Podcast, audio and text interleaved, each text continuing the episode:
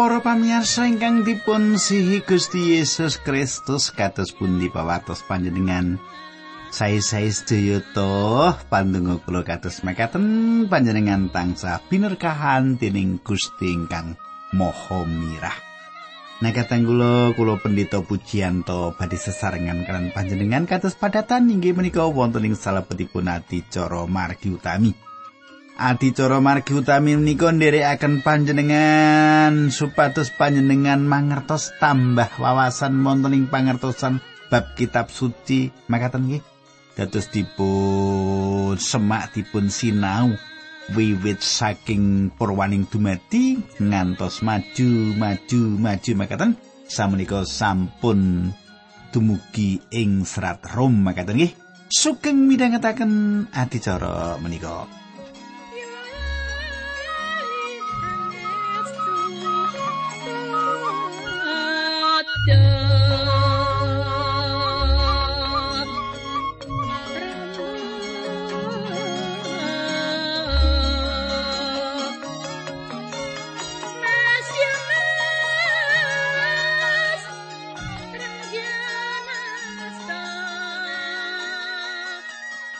Para pamirsa menapa panjenengan tasih kemutan menapa ingkang kula aturaken duk nalika kepengker menika. Ah, nggih radi supe, Pak. kita. Nggih, kula wangsul nggih wonten ing pepanggihan kepengker kita sampun nyemak kados pundi Paulus ngemutaken kita pilih menapa ingkang dados kangenipun putra Allah saged dipun tampeni kanthi nyukani wewengan Sang Roh Allah nyambut damel makaryo wonten ing gesang kita makaten nggih Nah katang kula kita badhe lajengaken nanging saderengipun monggo kita tumungkul kita ndedonga sesarengan. Duh Kanjeng Rama ingkang dampar wonten kraton ing kasuwargan kawula ngaturaken gunging panuwun menawi wekdal menika kawula saged tetunggilan kalian sederek-sederek kawula ingkang setya tuhu midhangetaken adicara menika. Kawula matur nuwun sanget Gusti Yesus. Dinambaran asmanipun Gusti Yesus kawula nyuwun berkah patuko. Haleluya. Amin.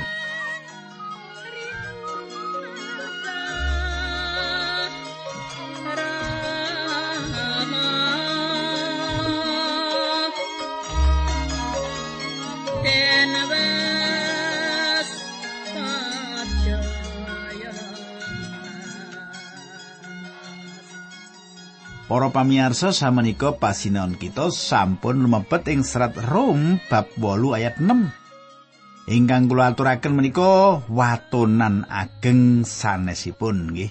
Kala wingi sampun wonten watonan-watonan ingkang ageng samenika kula lajengaken wonten watonan ageng sanesipun. Inggih menika kita saged waos ing ayat 6. Yen pikiranmu direh dening daging, kuwi kowe bakal mati nanging yen direh dening roh Gusti Allah, kuwi bakal urip kelawan tentrem. Para pamirsa yen pikiranmu direh dening daging ateges panjenengan pinisah saking patunggilan kalian Gusti Allah lan kanthi sifat kedagingan panjenengan pejah kangge selaminipun. Penting nggih. Sang roh ingkang makuwon ing salebetipun tiang-tiang pitados ndatengaken gesang lan tentrem rahayu. Menawi kita dosa, kita kedah sowan dumateng panjenenganipun lan ngakeni ugi ngaturaken wewengan panjenenganipun nyucikaken kita. Perkawis menika badhe nginggalaken patunggilan kita, gesang ingkang panjenenganipun ngendikaken kegayutan kalian kalekan sawetahipun lan nglatih kesakitan sawetahipun dumateng satunggalipun tiang. Leripun tiang menika nglampahi gesang ingkang sampurna lan ingkang paling sae. Kadah tiang ingkang gadah panginten menawi gesangipun saestu-estu ing jaman menika. Nanging gesang menika sejatosipun gesang tiron-tiron ingkang awon lan tebih saking kersanipun Gusti Allah ingkang dipun cawisaken. Tentrem rahayu ateges tiron nglampahi ketenangan lan karaharjan kegayutan kalian jaman samenika lan mongso tembe. Kita kedah mlebet wonten ing salebetipun mangsa menika. Para pamirsa satunggal perkawis ingkang temtu menawi panjenengan gesang ing salebetipun daging lan panjenengan menika putranipun Gusti Allah pramila panjenengan boten tetunggilan kalian Gusti Allah. Panjenengan boten saged Gusti Yesus ing kamar inggil ngendika dumateng Simon Petrus. Yohanes 13 ayat 8 sampun ngantos Gusti ature Petrus. Panjenengan sampun ngantos misuh suku kuwolo nanging Gusti Yesus nuli ngendika yen kue ora gelem ndak wiswi kue ora kena dadi muridku. Kadang kula menapa ingkang dipun ngendikaken mboten kok mboten wonten tegesipun. Panjenenganipun mboten badhe tetunggilan kalian panjenengan utawi kula menawi kita tumindak dosa lan terus gesang wonten ing kedagingan wonten tiang ingkang tanglet menawa mengkono apa kang kudu kita tindakake? Panjenengan tindakaken menapa ingkang dipun tindakaken Simon Petrus tiang menika nyelopaken syukuripun lan Gusti Yesus miciki lan panjenengan ugi kula perlu sowan dumateng panjenenganipun kanthi ngaturaken pengaken kita. Yohanes tunggal ayat songo meratelaken dumateng kita. Menawa kita ngakoni dosa kita sinten kita kita inggih menika tiang-tiang Kristen. Panjenengane iku setya adil. Menawi panjenenganipun nindakaken setya lan adil menika awet perkawis menika mbetahaken raipun Sang Kristus ingkang dados mitra kita. Panjenengan lan kula mboten mangertos kados menapa awanipun sifat lami menika lan kita perlu sowan panjenenganipun supados dipun suciaken. Para pamirsa tiyang ingkang damel geguritan saking Inggris John Donne ginakaken cariyos tunging kekayutan kalian kegiatanipun Hercules wonten tiang gagah prakoso ing donya kino ingkang gadah tugas nyirnakaken papan ingkang kebak cemer. Menika ingkang gambaraken kayektosan ingkang penting. Sinaosa Hercules saged nindakaken tugas menika. Dono nedahaken bilih piyambakipun boten saged nyirnakaken cemer-cemer ingkang langkung ageng ing salebeting manah manungsa. Piyambakipun nyerat Gusti kula ngakeni pilih namung paduka ingkang saged nyucakaken sadingah cemer menika. Sinaosa seganten menika toyo lan sedaya daratan menika sabunipun. Nanging menawi rah paduka mboten nyucakaken kula, kula mboten badhe gadah pengajeng-ajeng. Para pamirsa, rah Gusti Yesus Kristus, Putra Allah, terus-terusan nyucakaken kita saking sedaya dosa.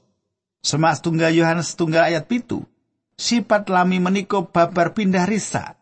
Gusti Allah mboten gadah rancangan kangge nebus. Panjenenganipun maringi kita sifat enggal. Panjenengan saha kula mboten saged gesang kunjuk Gusti Allah ing salebeting sifat lami. Menawi panjenengan tetep gesang wonten ing salebetipun sifat lami menika pramila panjenengan sanes putrane Allah. Panjenengan ingkang tanglet menawi kados mekaten menawi putra Allah dosa menapa bentenipun tiang menika kalian tiang ingkang kesasar. Bentenipun inggih menika ing wekdal manungsa ingkang kesasar rindakaken dosa, tiang menika badhe nindakaken dosa menika kanthi remen. Sawetawis putra Allah menawi piyambakipun nindakaken dosa menika, piyambakipun badhe ndedonga dumateng Gusti Allah, ngresah dumateng Gusti Allah. Duh Allah, kula sengit kalian badan kula piyambak atas menapa ingkang sampun kula tindakaken. Lan gagasan ingkang meratelaken panjenengan saged kemawon nglatih sifat lami lan gesanging salabetipun sifat lami. Patrap menika patrap ingkang lepat. Para pamirsa panjenengan kendel kumandul dumateng badan piyambak lan panjenengan pitadosa bilih sang roh Allah samenika saged maringi kesagetan panjenengan lumantar sifat inggal panjenengan saged gesang kunjuk Gusti Allah Gusti Allah kagungan karso lan rancangan berkah kangge panjenengan. Lan panjenengan kedah tepengan teguh dumateng panjenenganipun. Panjenengan pirsani badan panjenengan piyambak kados diri Gusti Allah mirsani panjenengan. Kekirangan berkah saking Gusti Allah dumados sebab kita mboten pitados dumateng Gusti Allah. Mboten awit kirang bangun turut panjenengan pitados dumateng Gusti Allah samenika ugi. Pambangun turut sejatos mboten timbul saking kekajenganipun manungsa kangge nedahaken nanging saking pangertosan pilih berkah dipun tampi saking Gusti Allah. Kamangga kita mboten pantes lan mboten bangun turut. Mboten wonten ingkang saged kula tampeni saking Gusti Allah kanthi pembangun turut kula. Kula mboten gadah menapa-menapa kangge dipun pisungsungaken dumateng panjenenganipun. Berkah dipun tampeni awit sih rahmatipun Gusti Allah ingkang ngidapi-dapi lan kula ningali tiang-tiang ingkang khotbah bab pembangun turut sesarengan masrahaken badanipun ing sakwerninipun peladusan. Para pamirsa, panjenengan boten perlu pitados tiang-tiang menika. Tiang-tiang menika tiang ingkang apus-apus, tiang-tiang menika boten jujur, tiang-tiang menika remen gosip lan tiang-tiang menika badhe nyalipaken panjenengan. Panjenengan boten perlu ngawula dhumateng tiang-tiang menika ingkang panjenengan betahaken ing wekdal menika inggih menika pitados. Pilih Gusti Allah saged nindakaken satunggalipun perkawis lan panjenengan boten saged tumindak menapa-menapa. Wonten ingkang sanjang keras sanget.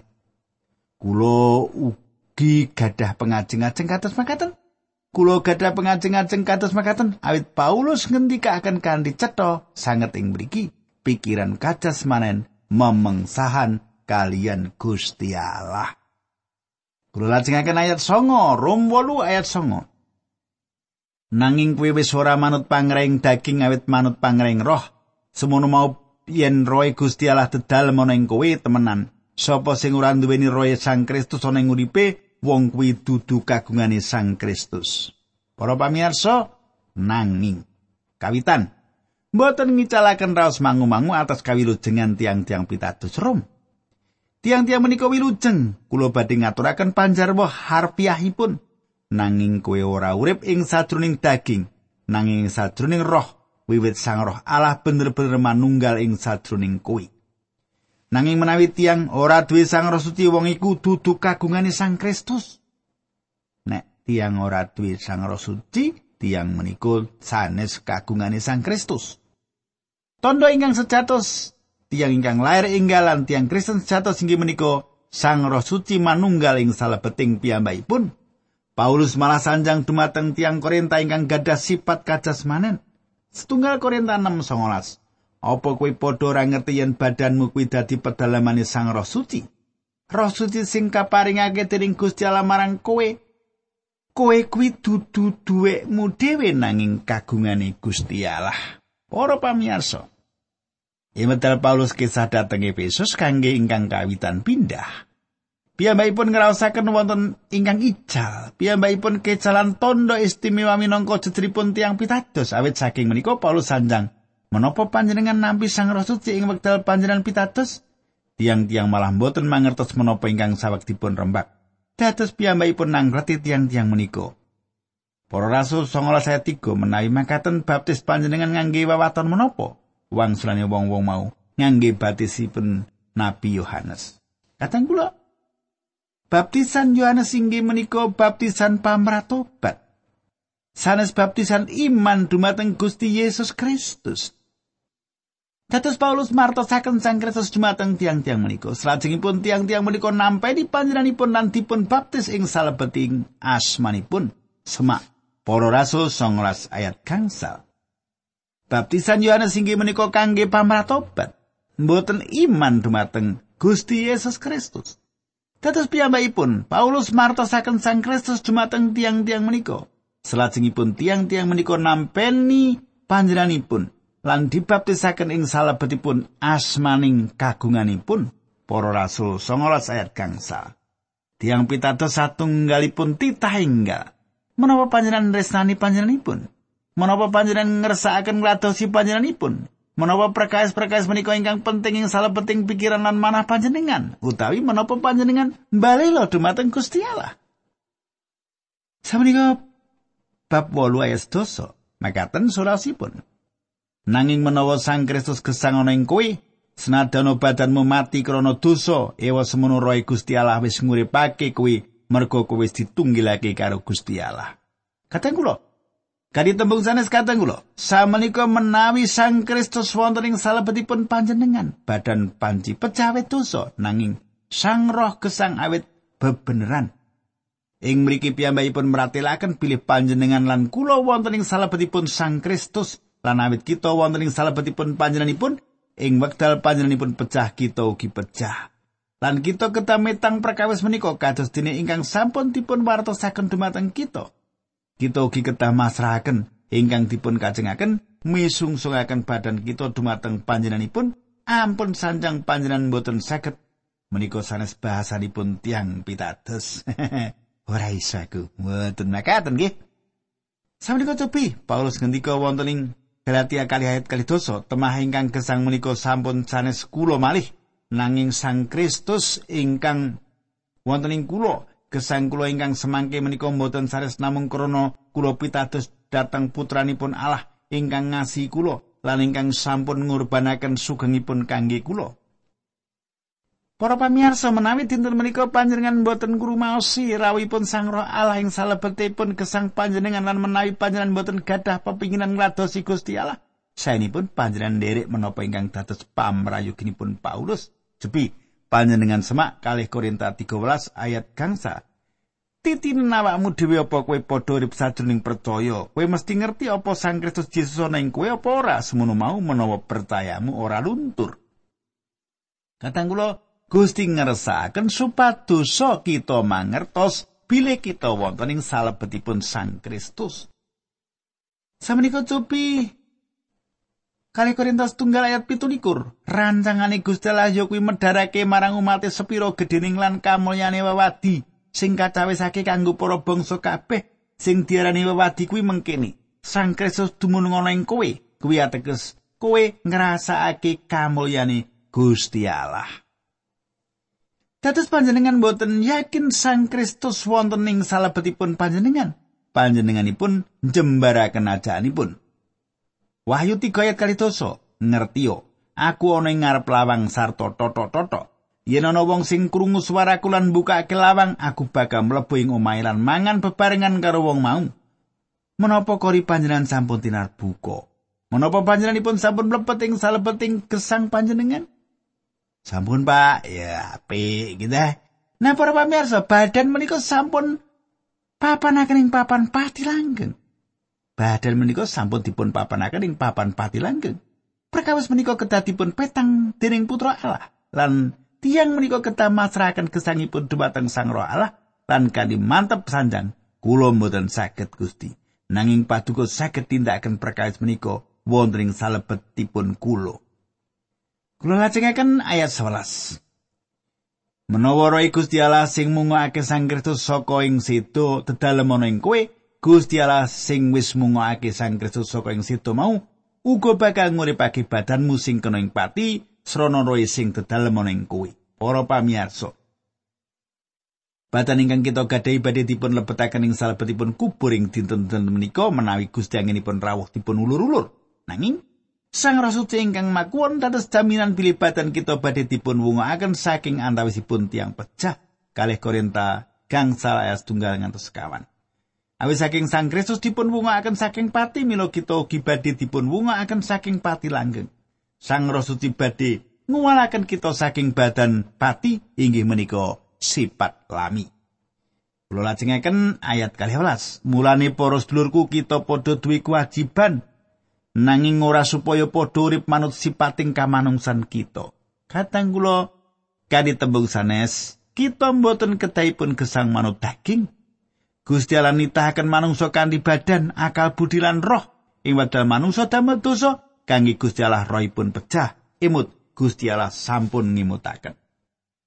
Purwaning dumati kali ayat pitulas kejaba mung witing pangerti bab ololan becik kuwi woe aja kok pangan awit semongso kowe mangan woh mau ing dina kuwi uga kowe bakal mati kadang kula sasampunipun dawuh menika Adam gesang sawetawis taun secara kajasmanen nanging secara kasukman tiang menika Adam menika pecah ing wekdal menika ugi. Manungsa jungkir wali. Badan sifat lami daging dados nguwaosi. Jaman samenika manungsa pecah secara kasukman kelahiran inggal ateges panjenengan wangsul ing kalenggan ingkang bakoh. Lan panjenengan dipun lairaken malih secara kasukman lan panjenengan gadah sifat ingkang ngersakaken ngladosi Allah. Indah sanget. Para pamirsa mapan caket kalian Sang Kristus inggih menika perkawis ingkang penting. Panjenengan saged sregep ing salebetipun pakaryan Kristen. Nanging Sang Kristus wonten ing tebih wonten ing langit saking panjenengan. manungsa limrah sanjang piyambakipun janji dumateng dagingipun supados nglegakaken piyambakipun. Tiang menika patus-patus alasan atas anginipun boten jujur kanthi sanjang manungsa perlu nedha. Tiang ingkang dados bintang film sanjang aku urip mergo seks lan aku kudu ngujuti kabutuhanku iki. Nglegakaken sifat lami sampun njeguraken bangsa kita ing salebeting panerak kasusilan ingkang ageng piyambak. Nanging Gusti Allah ngendika dumateng kita minangka jejeripun tiang pitados mboten utang dumateng daging. Daging kita sedaya gadah sayektosipun inggih saestu jemberi lan kita mboten utang menapa-menapa dumateng daging. Kula lajengaken ayat telulas. Sebab menawa kowe padha urip manut watake kamanungsanmu, kowe bakal mati. Nanging menawa kowe padha urip manut roe Gusti Allah lan mateni penggawemu sing dosa, kowe bakal urip. Para pamirsa, sebab menawa kowe padha urip manut watake kamanungsanmu, kowe bakal mati. Pejah kangge Gusti Allah. Ingkang dipun kersakaken panjenengan boten gadah patunggilan kalian panjenenganipun. kula mboten saweg ngrembak satunggalipun teori. Menawi panjenengan putranipun Gusti Allah lan panjenengan dereng ngakeni dosa ing gesang panjenengan, menapa panjenengan tasih kisah dateng gereja? Menapa panjenengan kepingin maos kitab suci? Menapa panjenengan tasih ngersakaken dedonga? Sampun temtu mboten. Menawi panjenengan pinisah saking Gusti Allah, nanging menawa kowe padha urip manut roe Gusti Allah, panjenengan mboten saged nindakaken piyambakan. mateni pakarian-pakarian badanmu kue bakal urip. Monggo menggalih ingkang sederhana. Menapa masalah panjenengan sama niko inuman keras? Narkoba? Seks? Panjenengan sakit kemauan sanjang. Aku radui masalah-masalah meniko menawi kados makaten kekayutan pikiran panjenengan. Kados pun di kegiatan ilat panjenengan? Menapa panjenengan kenging gosip? Menapa panjenengan sanjang ingkang leres menapa kemawon masalah panjenengan king menapa panjenengan boten ngakeni dumateng Gusti Allah selajeng masrahaken dumateng Sang Roh Suci Para pamirsa menawi panjenengan nglampahi perkawis menika panjenengan boten perlu berangkang dateng kursi psikiater. Panjenenganipun saged mindahaken kalepatan ingkang boten kejajagan ing papan sanes nanging tiang menika boten saged bucal. Namung Sang Kristus ingkang saged nyucikaken kalepatan menika. Panjenenganipun menika ahlinipun. Samenika tubi panjenengan waos Matius 11 ayat 21 padha mrene kowe sing padha sayah mergo miko labet kowe bakal ndak parengake ngaso. Samenika kita mlebet ing salebetipun perangan inggal kekayutan kanthi sifat tinggal manungso. Tubi samenika. Kita lajengaken Rum 8 ayat 18. Wong sing padha direh dening Roh Gusti Allah kuwi para putrane Gusti Allah. Kadang kula mlebet akal to, Gusti Allah mboten ngendhaleni mendo kagunganipun. Panjenenganipun nuntun mendo menika. Menawi Gusti kita ngendika kekayutan keamanan pangayoman dumateng mendo-mendo kanthi cetha panjenenganipun sanjang tiang-tiang mboten dipun peksa nuruti kersa astanipun lan ramanipun. Panjenenganipun ngendika wedhus-wedhusku ngrungokke swaraku lan aku wanuh wedhus-wedhus. Lan aku ngendhaleni wedhus-wedhus mau. Oh mboten, mboten ngoten nggih. Lan wedhus-wedhus mau melu aku. Yohanes 2 ayat 17 nggih. Boten dikendhaleni. Wedhus-wedhus menika nderek piyambak. Tiang-tiang menika inggih menika tiang ingkang wilujeng lan kacangkung. Tiang-tiang menika nderek panjenenganipun. Tiang-tiang menika dipun pimpin dening Sang Roh Allah. Tiang-tiang menika mirengaken swantenipun sebab tiang-tiang menika gadah sifat inggal lan tiang-tiang nderek panjenenganipun. Katang kula Kulo sampun martosaken pangandikanipun Gusti Allah ing salebetipun wekdal enggal. Kulo mangertos pilih tiang-tiang ingkang dados minda-mindanipun badhe mirengaken swantenipun. Ingkang sanesipun tiang-tiang sengit kulo lan gadah kekajengan bocah kulo king menapa? Awit tiang-tiang menika sanes mendo-mendo kagunganipun Gusti Yesus paring pangandikan. Yohanes 15 ayat 18. Menawa kowe padha disengiti dening jagat ngerti yen aku wis disengiti luwih dhisik dening jagat. Kadang kula wonten pendeta nem-neman datengi kula lan sanjang kula gadah masalah ageng, Pak. Kula tanglet, sapa sing menehi masalah marang kowe? Neneman kala wae jawab, "Waduh, tiang-tiang ingkang nyambut damel ing gereja kula lan guru-guru sekolah minggu, Pak." Selajengipun kula tanglet menapa ingkang sampun dipun tindakaken. Neneman kala wae sanjang, kula martosaken kitab suci kanthi ngetutaken metode panjenengan lho, Pak. Kula sanjang dateng neneman kala wae. Puji Gusti. Panjenengan tentu mangertos menawi kathah pesamuan panjenengan sanes mindo-mindo kagungan ingkang sayektosipun. Kadang kula mindo-mindo Gusti Allah. Badhe mirengaken panjenenganipun mindo-mindo kedah mirengaken awit mindo-mindo menika kagunganipun inggih menika ingkang dipun kersakaken Paulus. Kadang kula kita pungkasi sementen nek tak terusake ora ana wektune. Monggo kita tumungkul kita tutup ngih. Duh Kanjeng Rama, kawula matur nuwun, kawula sampun medharaken kayektosan bab pangandikan paduka dumateng sanak kadang kawula menika. Kalau nyuwun Gusti berkahi Gusti mitulungi kawula linambaran asmanipun Gusti Yesus Kristus kawula pasrahaken sedherek-sedherek kawula menika wonten ing pancangkung paduka. Haleluya. Amin.